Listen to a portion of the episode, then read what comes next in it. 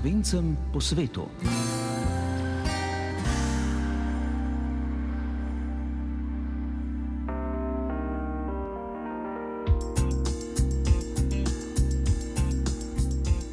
Lepo pozdravljeni, dragi prijatelji naše oddaje, tako po svetu kot doma v tem pomladnem petkovem večeru.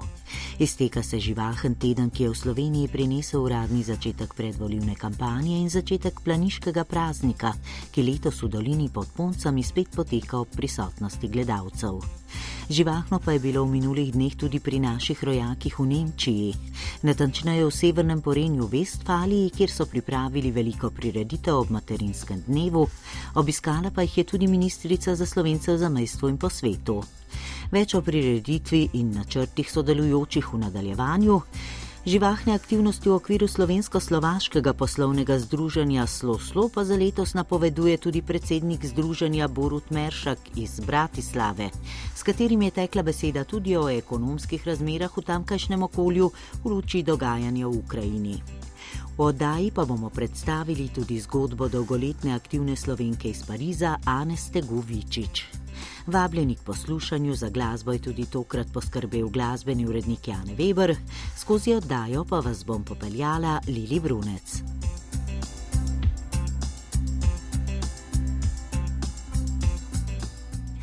Oddajo začenjamo na Slovaškem, kjer že več kot 30 let živi in dela slovenski podjetnik in predsednik Slovensko-slovaškega poslovnega združenja Korošec Borut Meršak. Tamkajšnje poslovno okolje zelo dobro pozna in prav o tem je najprej stekla beseda, ko sem ga poklicala v Bratislavo.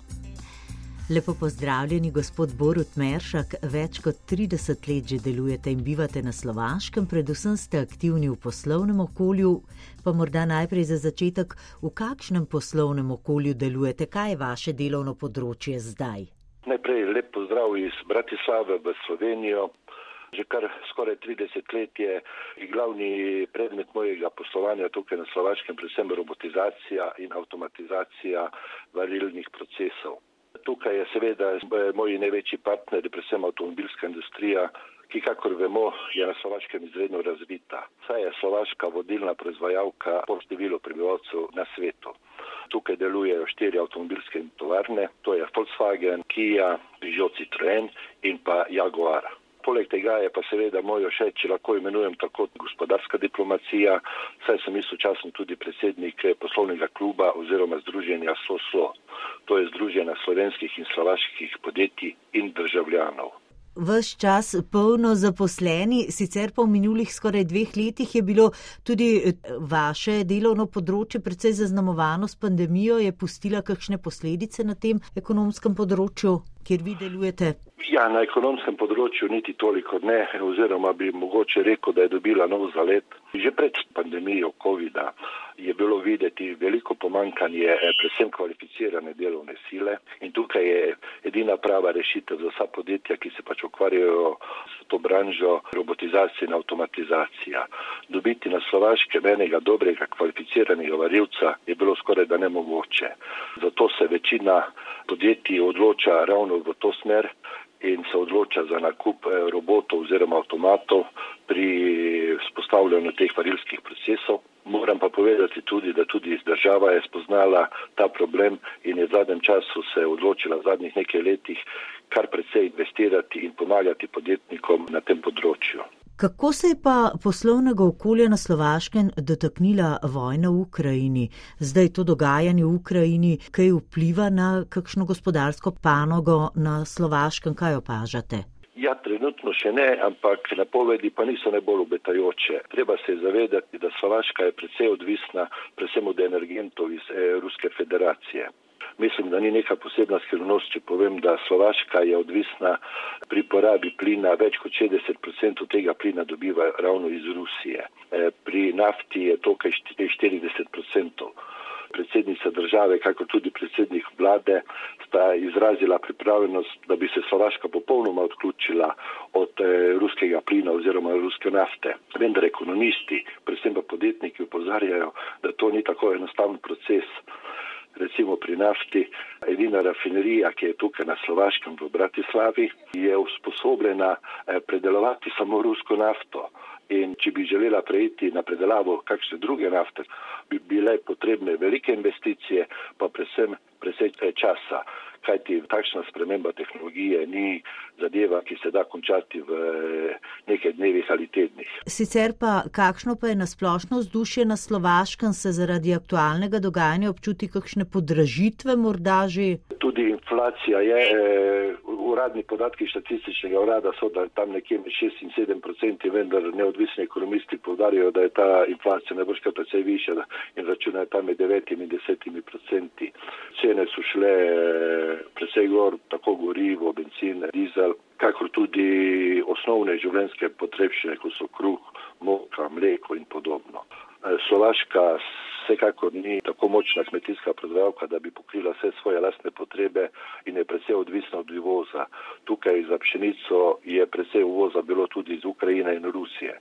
Vse vemo, da sta tako Ukrajina kakor Rusija veliki proizvajalki teh pridelkov. Kako pa se to občuti med prebivalci, kakšno je vzdušje? Zdaj na Slovaško se je zateklo tudi veliko beguncev iz Ukrajine, ne? kakšen je položaj? Tudi v Bratislavi jih je že, so tudi nastanjeni v določenih, reko, privatnih, predvsem kapacitetah.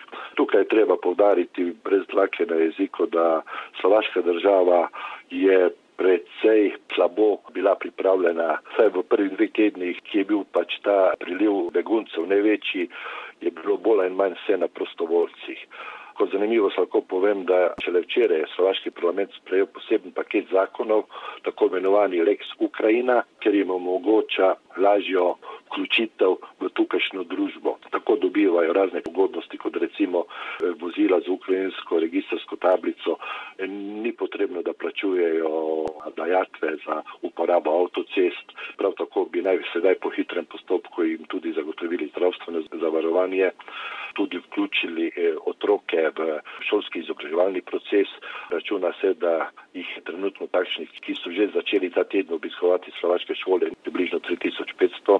Prav tako bi naj eh, tudi eh, ti ukrajinski begunci dobili lažje zaposlitev, ne bo potrebno toliko birokratskih ovir premagati, kot je bilo predtem. Tukaj je mogoče razumljivo, Ukrajinci so že pred tem rusko-ukrajinskim sporom bili precej prisotni na Slovaškem, saj je bilo tukaj pomankanje delovne sile. Tako bi jih najlažje zaposlili v šolstvu, v zdravstvu, kjer je pač največje pomankanje delovne sile. Po napovedih ministra za delo je pripravljenih na Slovaškem 60 in 100 tisoč prostih delovnih mest, ki bi jih lahko zasedli ravno ti ukrajinski begunci. Druga panoga, kjer bi se lahko zaposlili, je pa turizem. No, v Bratislavi sicer živi in dela tudi glavnina slovencev na Slovaškem, ki jih sicer ni prav veliko, ne? slovenska skupnost v tej državi ni zelo številčna, ampak povezujejo pa tudi slovensko-slovaški poslovni klub Slo Slo, katerega ste že omenili in katerega ustanovitelj in predsednik ste, gospod Meršak. Kaj je pravzaprav namen oziroma cilj tega združenja in katere so tiste glavne aktivnosti, ki jih izvajate?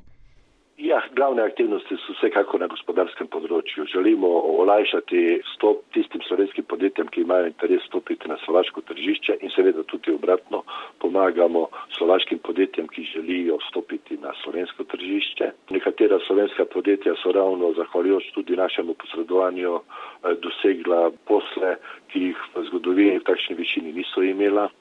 To bi predvsem omenil recimo področje raziskovanja oziroma pridobivanja geotermalne vode, ki je na Slovaškem izredno veliko.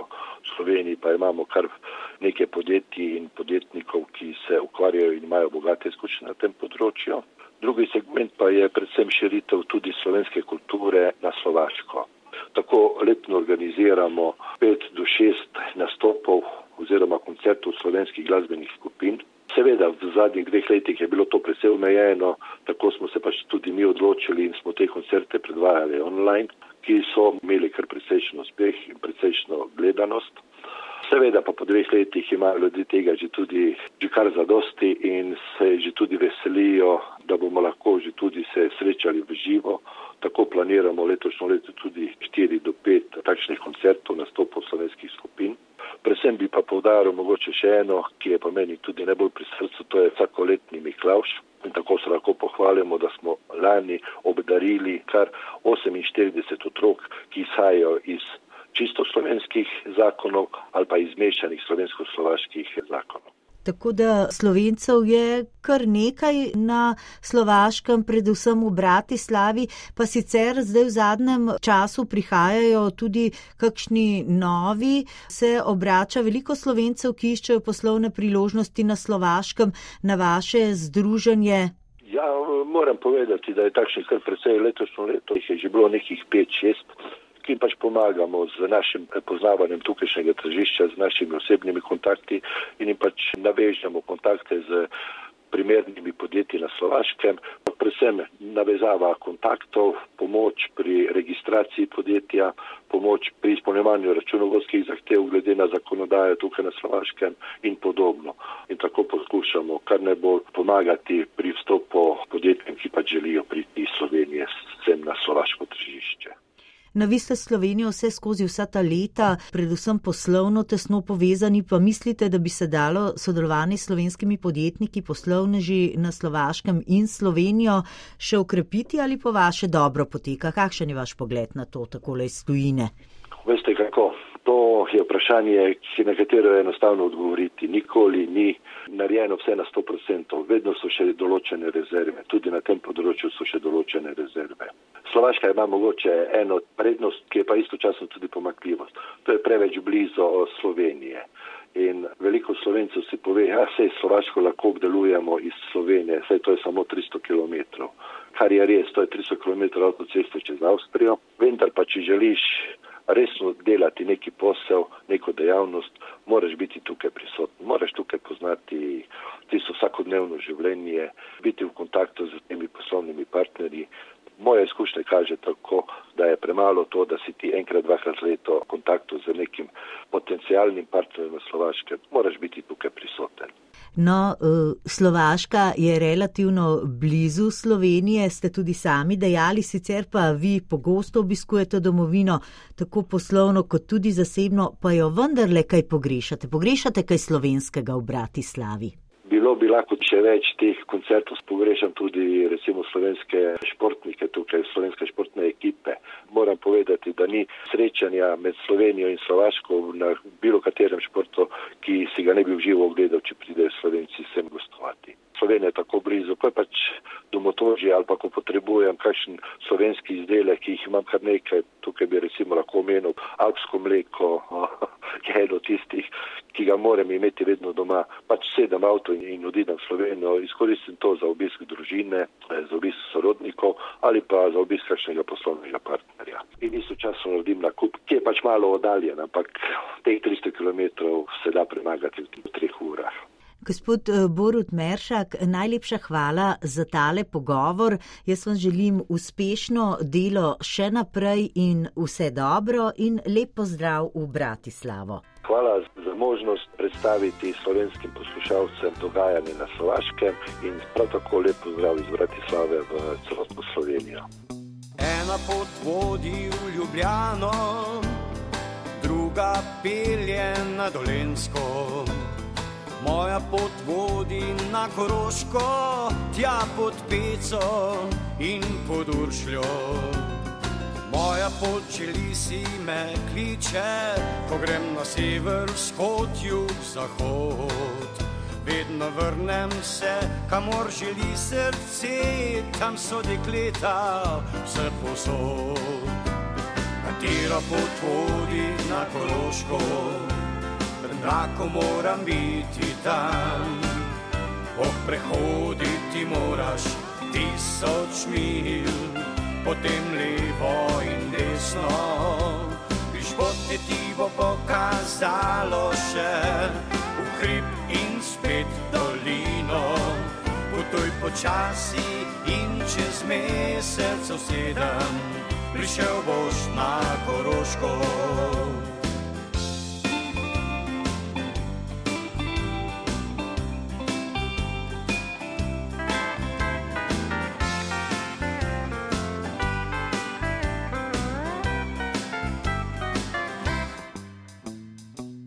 Ena pot vodi v Ljubljano, druga pelje na Dolensko.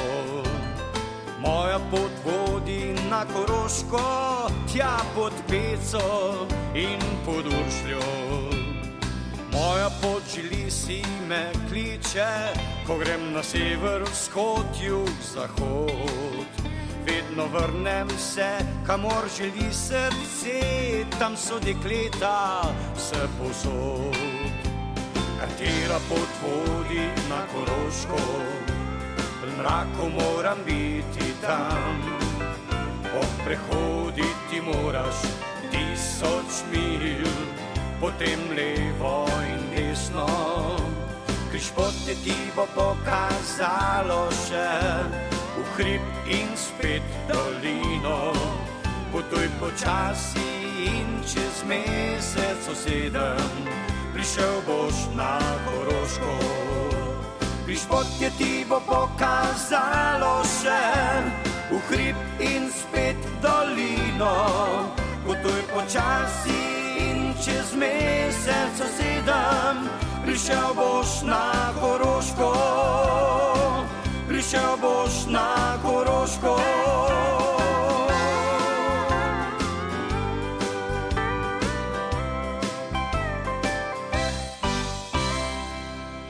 Danes je materinski dan, ki so ga minulo nedeljo z vseslovenskim srečanjem in prireditvijo v Vilihu obeležili tudi naši rojaki v nemški zvezdni deželi Severno Porenje Vestfalija. Dogodka se je udeležila tudi ministrica za slovence za mestvo in po svetu, dr. Helena Jaklič, ki je zbrane nagovorila ter ob koncu podelila tudi priznanje Urada za slovence za mestvo in po svetu in sicer Rozini Laurenčič za ohranjanje slovenske dediščine in srčno požrtvovalnost v slovenski skupnosti v Nemčiji ter prizadevno dolgoletno delo v Društvu slovenski zvon v Krefeldu ter Tatjani in Albinu Dobršek za dolgoletno pomoč in prispevek pri kulturi kulturnih in drugih dogodkih v slovenski skupnosti v Nemčiji. Vtise z dogodka in pomladne načrte predstavnikov sodelujočih društev je zbrala Mojca Delač.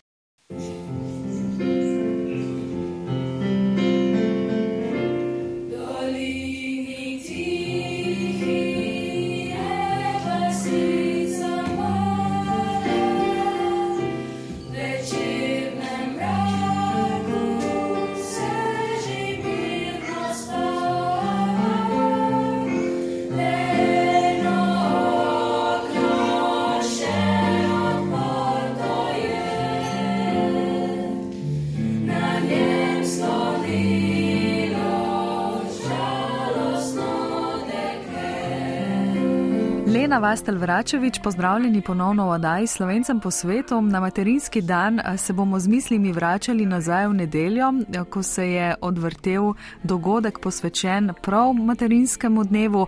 Kako je bilo? Lepo zdrav. Bil je krasen dogodek. Učenci slovenskega dopolnilnega pouka so program pripravili skupaj z gostujočimi pevci iz osnovne šole Ivana Groharja v Škofiloki in zborom Slovenski cvet. Jaz mislim, da so bili vsi izbrani navdušeni nad programom, super občutek no, po vsem tem času, uh, zagotovo. Uh, nastopajočih pa takole na hitro bi rekla, da okrog 40. Kaj pa prisotnih udeležencev? Teh je bilo pa zelo veliko, če se ne motim, jih je bilo preko 150. Kako zadovoljni so bili vaši učenci z nastopom? Jaz mislim, da so bili učenci uh, zelo ponosni, tudi jaz sem zelo vesela. No, se mi zdi, da um, na tako veliki prireditvi moraš imeti veliko poguma. Prav vsi so se odlično odrezali, tako da sem brez besed samo pohvale. Slavček.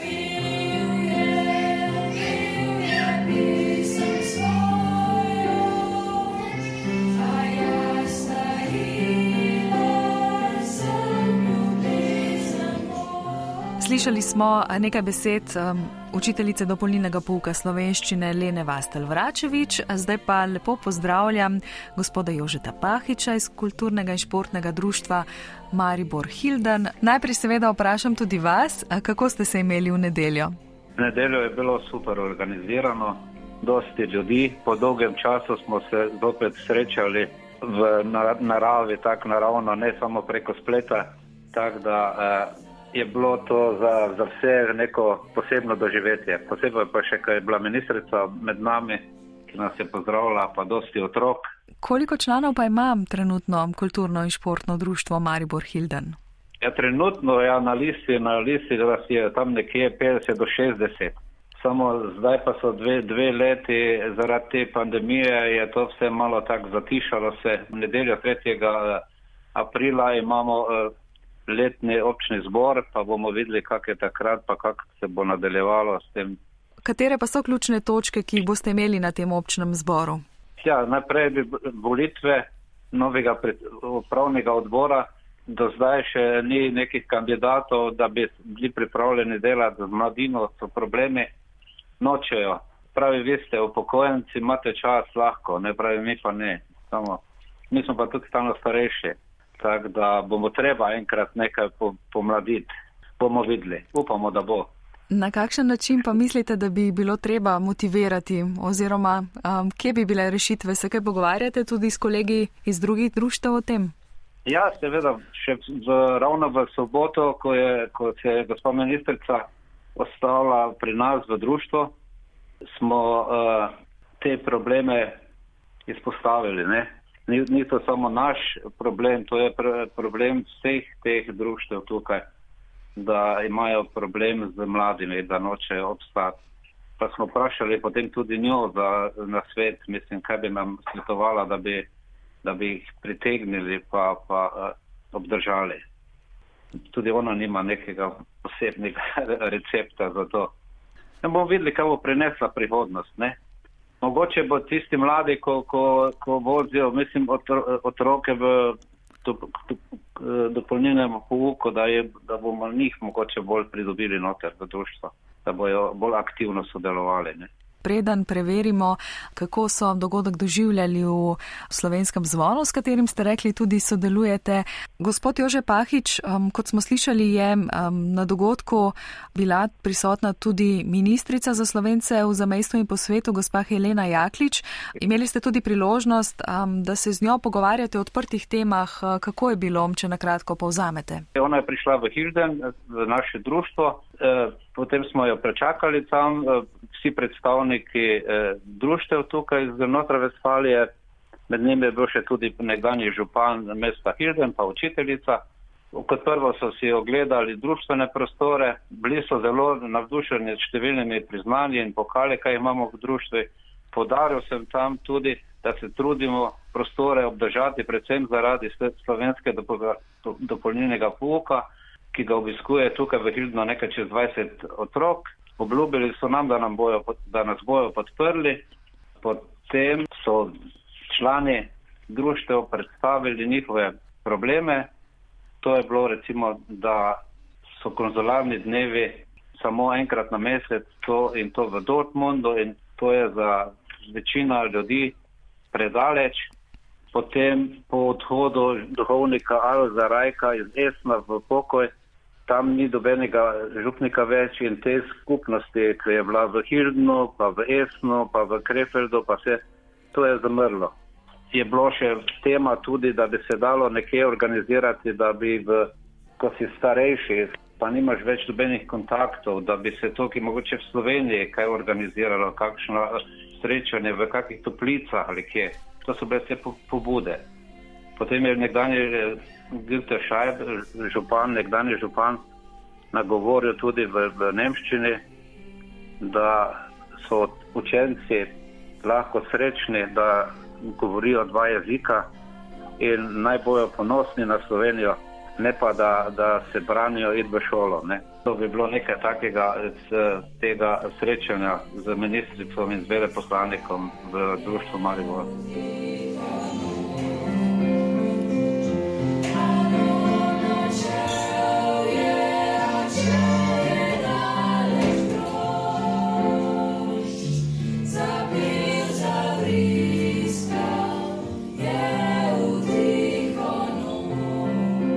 Gospa Darja in gospod Rado, brate, najprej lepo zdrav tudi vama. Verjetno ste zdaj že strnila vtise, pa kar oba prosim, da poveste, kako je bilo na nedeljski prireditvi. Ja, nedeljska prireditev nas je kar presenetila z množičnim obiskom. E, Tolk nismo pričakovali, ampak se nas je kar nabralo preko 160.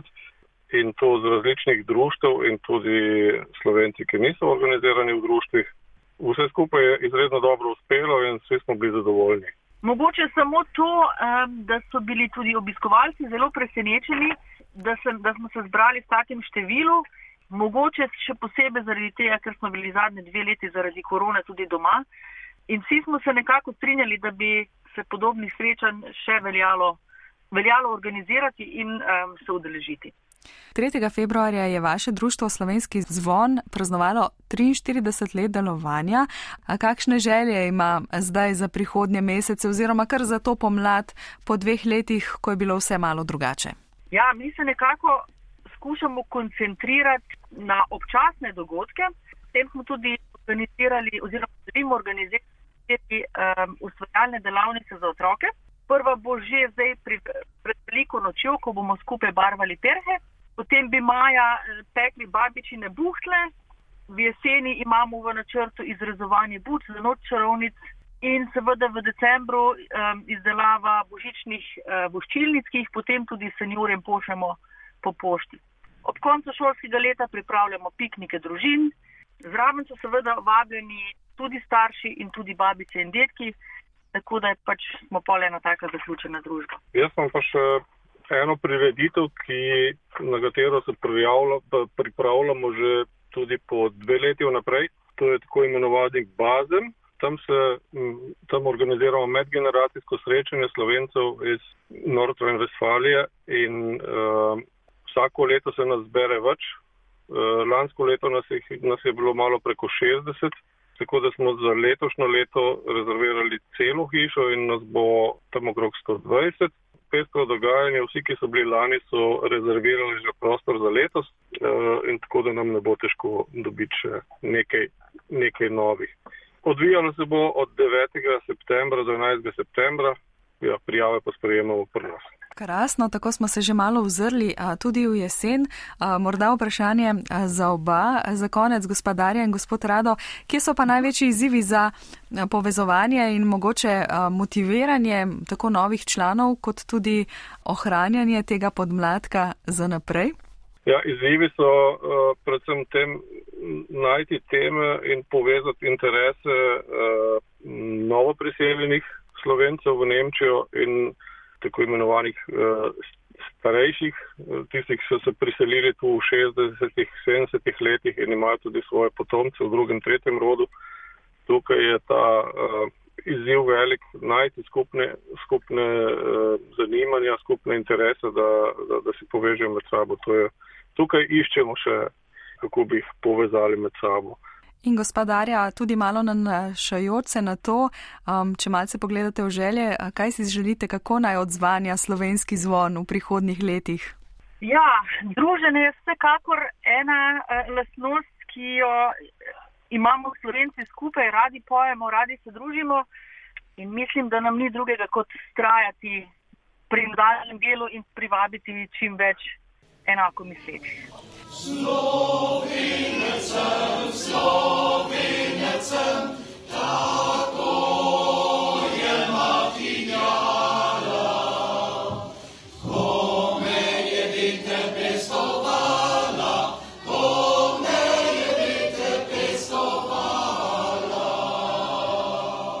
Ob koncu prispevka pa še k slovenskim pevcem in društvu Slovenski cvet iz Mersa, slišite lahko tudi, kako je na prireditvi zazvenela njihova pesem. Kot je povedal gospod Jakob Hren, so po nekaj premora v zadnjih dveh letih znova začeli intenzivnejše vaditi. Veseli bili, da smo zadnjo nedelo imeli to prireditvo, da je bilo spet možno, da, bi, da zapojemo, da se družimo s uh, drugim klubom, ljudem, društvom, tako da je vsak od nas tudi po tej prireditvi, mi smo imeli ponedeljek eh, takoj vajo, spet mi imamo ob ponedeljkah tedensko vajo, pa smo, smo tudi menili od prireditve, pa smo bili vsi veseli, da je bilo zdaj po dolgem času nekako mogoče, da je taka prireditva, ja, da smo jo postavili na noge, pa da smo se videli. Gospod Jakob, um, koliko je zanimanja za petje v um, zboru Slovenski cvet? Imate kaj mladih generacij?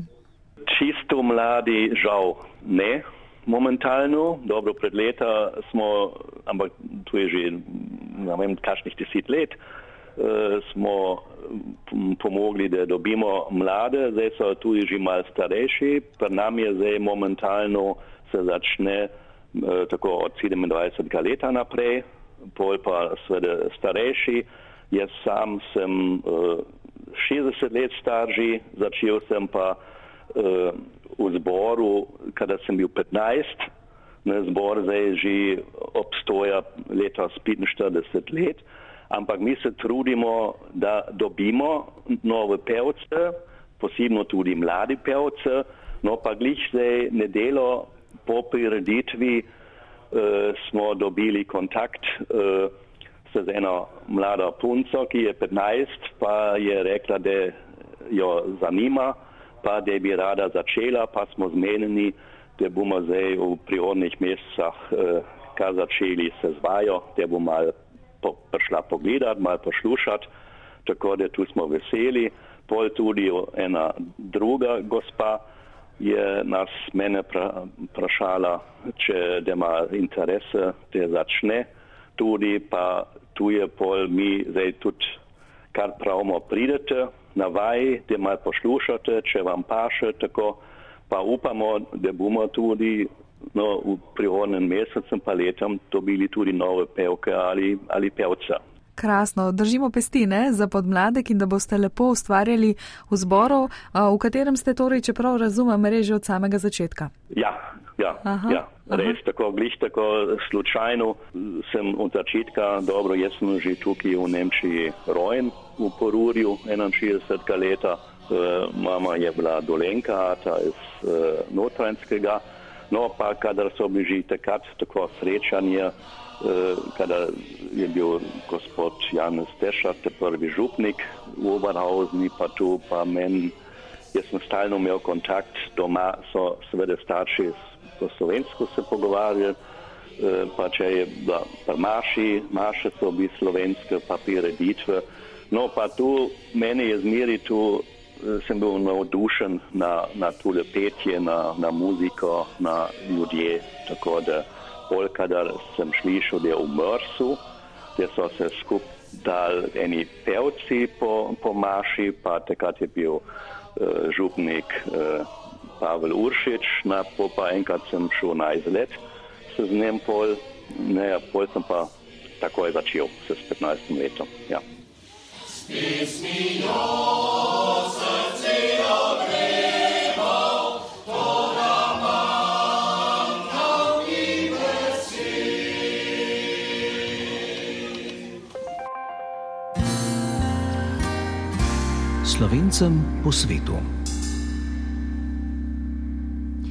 V zadnjem delu oddaje pa se selimo še v Francijo in predstavljamo zgodbo pariške slovenke Aneste Guvičič, ki se je iz rodnega prema na primorskem pred skoraj 55 leti odpravila v francosko prestolnico. Najprej je imela v načrtu le kratek čas bivanja v tujini, potem pa je ostala. V naslednjih minutah se je najprej ozrla k svojemu odhodu v Pariz. Odšla sem leta 1967, eno leto po maturi, ko sem imela približno 20 let. Takrat trenutno nisem videla prave možnosti ali alternative za nadaljni študij v bivši Jugoslaviji in pač eh, sem se odločila na povabilo prijatelja, da odidem v Pariz. V začetku smo se bolj vrteli eh, v tem krogu slovencev, večinoma so bili primorci in prekmurci.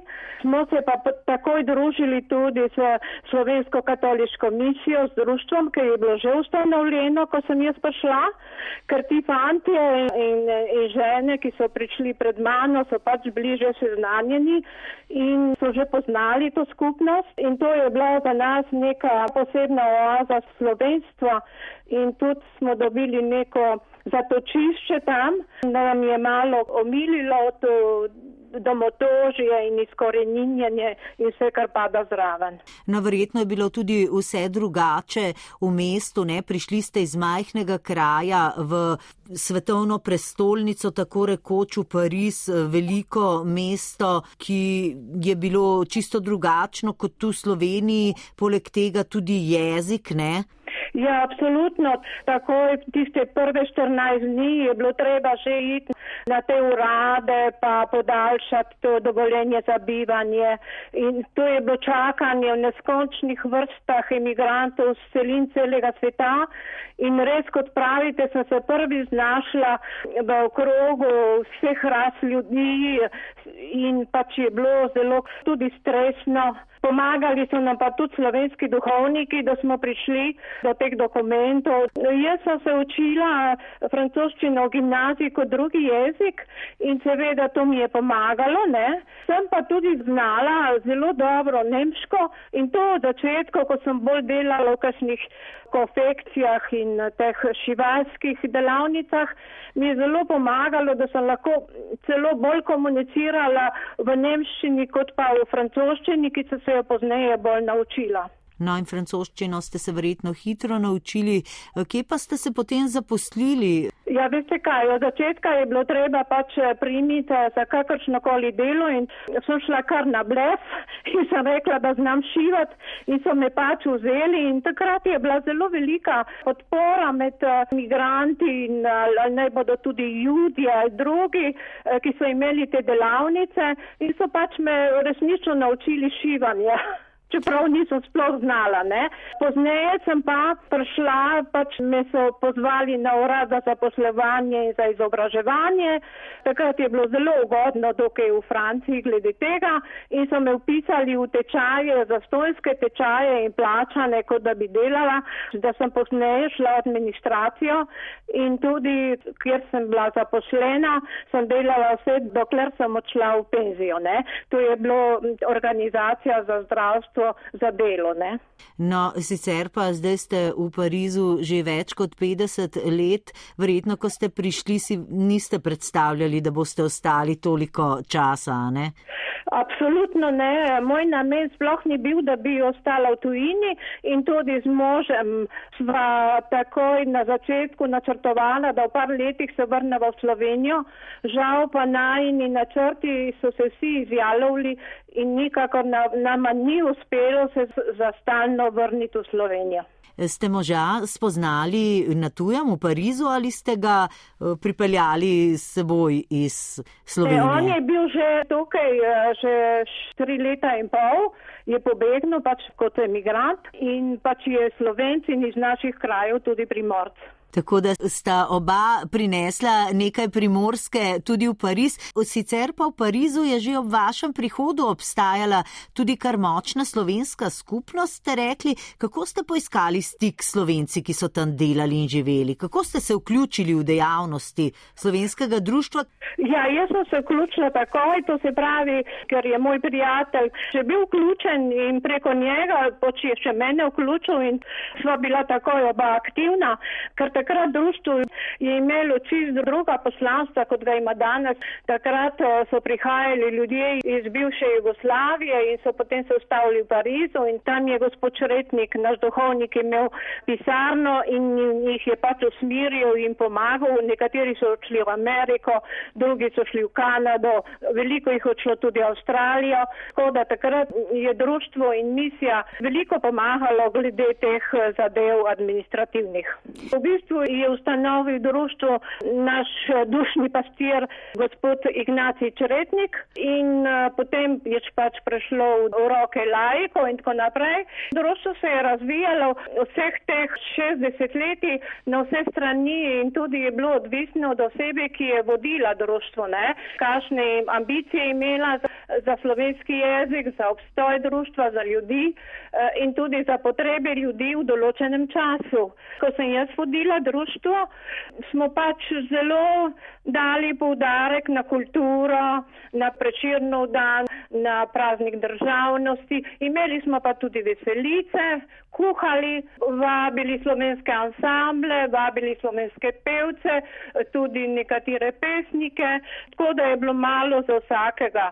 Tudi za druge pariške slovence, ki pač niso bili mogoče tesno povezani z misijo, ampak so radi prihajali tudi na te prireditve. Tako da se je veliko slovencev zbralo na takšnih prireditvah, čeprav prav velika ni slovenska skupnost v Parizu, ne, vas ni eh, zelo veliko. Eh, ne, nas ni zelo veliko, zdaj nas je pa še manj. Ampak občasno, naprimer za 50 obletnico društva, se nas je zbralo okrog 250, naprimer. To je bilo skoraj največ, ne. No, slovenska skupnost v Parizu je bila zelo dejavna tudi med osamosvajanjem Slovenije, kaj ne? Kako so se pa takrat vključili Slovenci v dogajanje v Parizu? Ja, je bila zelo aktivna, naj bo misija, naj bo društvo, voditelji društva. In takrat so bile posebne komisije in odbori za pomoč, eh, za komunikacijo. In tako pač manifestirali smo pogosto tudi na Trokaderu v Parizu na ploščadi človekovih pravic, pisali, podpisavali razne peticije raznim predsednikom države za pomoč Sloveniji in um, take pač stvari, ki so bile takrat nujno potrebne. No, sicer pa po nastanku samostojne države Slovenije se je pa marsikaj spremenilo tudi za vaše društvo, ne? Predvsem se je okrepilo sodelovanje s Slovenijo na tej institucionalni ravni, ne? Tako je, ker dokler ni bila samostojna Slovenija in nismo dobili veleposlaništvo v Parizu, smo se pač zbirali na katoliški misiji v društvu in uh, potem se je pa to sodelovanje razširilo z ambasadami ambasado, z veleposlaniki in, in z drugimi instancami. Absolutno. Kako se je pa društvo odpiralo v francoski kulturni prostor? Kakšno mesto so imeli slovenci v pariškem prostoru? Ja, smo bili zastopani tudi pred Slovenijo, ker mi smo zmeraj pač to rekli smo slovenci, nismo nikoli nekako so hoteli reči, da smo jugoslovani in smo bili predstavljeni pred osamosvojitvijo Slovenije, smo bili bolj predstavljeni eh, preko misije, preko nekih škofovskih srečanj, tudi v Notre Dame smo bili predstavljeni v narodnih nošah, z ostavami smo šli, smo tudi tam nekaj sodelovali in zapeli. Potem smo pa tudi organizirali nastope, smo imeli mlade samorastnike, naše otroke v bistvu in, in otroke naših prijateljev, slovencev, ki so zastopali eh, tudi Slovenijo na nekih francoskih prireditvah ampak v glavnem pred osamosvojitvijo Slovenije je vse bolj bilo organizirano preko crkvenih instanc. Tako smo imeli tudi srečanje v Bersi, to je bilo leta 88, ko smo predstavili Slovenijo na velikem platnu in so pač naši ti samorasniki tudi tam igrali in smo šli v narodnih nošah, tako da mi smo že takrat poskušali predstaviti in promovirati Slovenijo. In slovensko kulturo, tako da so vas eh, spoznali tudi francozi. Kako pa je danes slovensko skupnostjo v Parizu? Razvoj je naredil svoje, kako je z mladimi, se kaj vključujejo v družbene dejavnosti? Ja, žal ni rožno to, ne. To se je počasi nekako skrhalo ker mladi in eh, tudi starejša generacija včasih tudi nimamo istih namenov, istih potreb, iste nostalgije. Oni to drugače doživljajo, ker so rojeni tukaj in so tudi izredno zaposleni vsi. Občasno jaz sem bila zadovoljna, ko sem vodila društvo, so se nekako vključevali, ampak je bilo bolj prehodno. Ne. Mislim, da so težave zaradi več vzrokov, da se mladi ne vključujejo v društvo. Gospa Ana Vičič, omenili ste mi, da ste zdaj v pokoju. Kakšno pa je vaše življenje zdaj, danes v Parizu? S čim se ukvarjate, kaj počnete? Greva z možem ponavadi čez celo poletje v Slovenijo. Zelo rada sva tam na primorskem. Veliko kolesareva tudi tukaj. Pariz ima tudi dosti znamenitosti muzejev, tako da glede tega ni dolg čas. Glede slovenske skupnosti in vsega tega, tudi zaradi korone, je veliko manj srečanj. Radi pač prihajamo domov, od doma do doma. Pravim jaz, ko smo doma, gremo domov nazaj v Francijo, ker imamo tukaj otroke, vnuke in prijatelje. In ko gremo domov, pa rečemo spet, da gremo od doma domov. Pogrešate sicer kaj Slovenijo po vseh teh letih življenja v Parizu ali kaj slovenskega, kakšno slovensko primorsko hrano, glasbo, naravo morda? Ali ste vse to gojili tudi v okviru vaše družine v Franciji in ohranjali slovenske tradicije in običaje? Ja, to poskušamo, to še vedno ohranjamo. Jaz, na primer, zelo rada kuham primorsko mineštro, joto, pa tudi struklje. Najbolj važna pa nam je za vse praznike in za velike dogodke, družinske ali druge, potica. To smo tudi gojili v naši slovenski skupnosti in celo Parižanom pokazali, ko smo z društvom leta 2014 sodelovali na salonu Srednje Evropske kultur v Parizu in naš bitro slovenski je obiskalo 3500 obiskovalcev, ki so pač poskušali naše štruklje, potico, pršut, kraški, bučno olje in, in smo predstavili knjige, prevode v francoščino in turistične znamenitosti.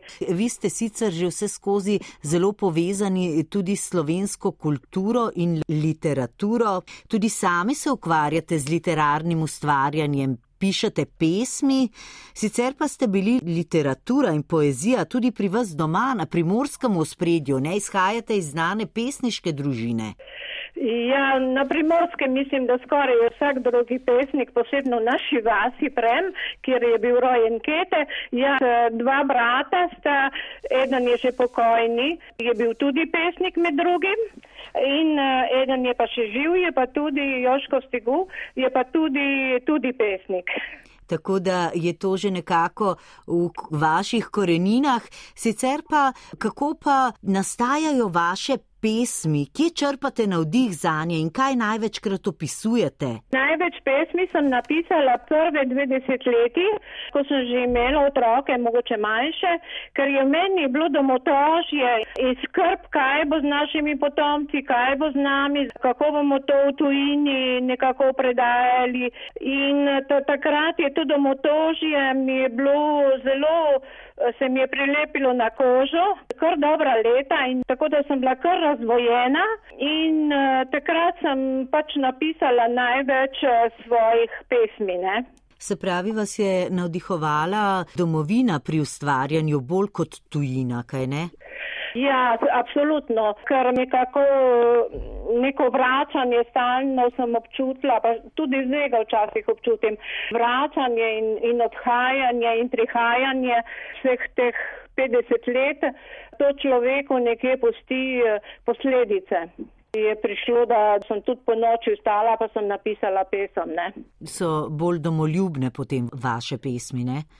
Ja, pa tudi mogoče so malo tudi kažejo to, to trpljenje izseljenstva, izkoreninjenja, ki ga človek doživlja, vsekakor, kadar se odloči, da bo šel tujino. Pa naj bo to, da je prisiljeno ali prostovoljno. Bi morda prebrali tudi za naše poslušalce, gospa Ana Stegovičič, kakšen vers? Eh, lahko vam preberem eh, iztrgan list.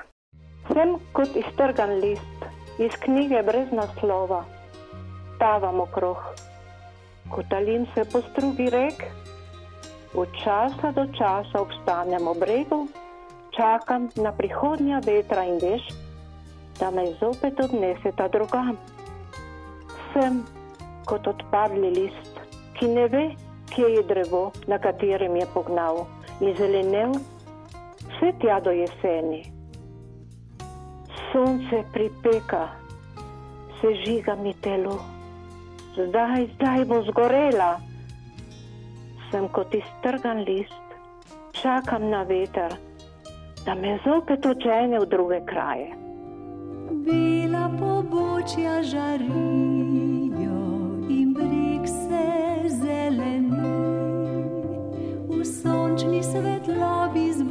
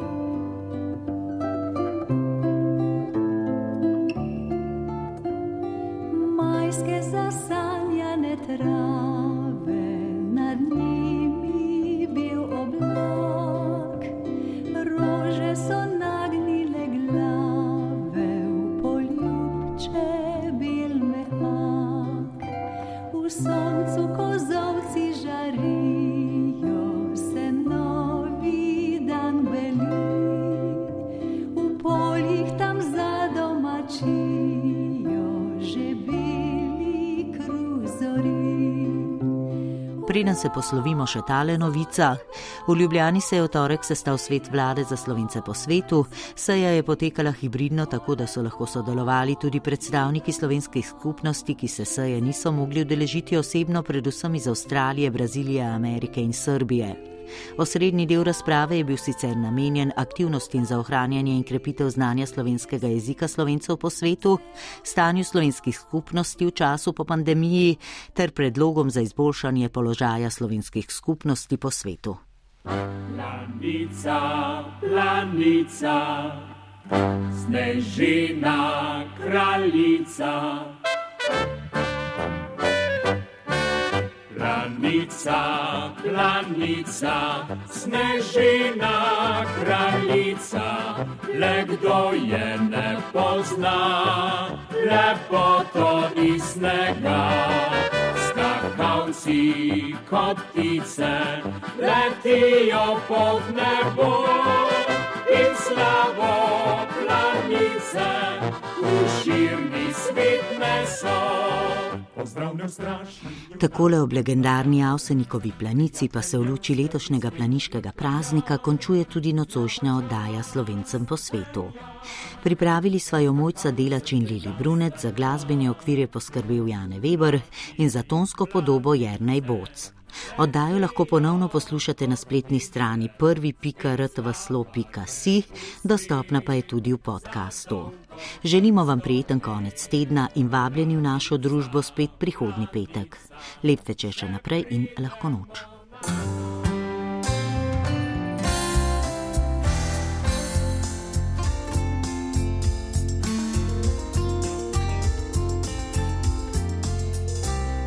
Slovencem po svetu.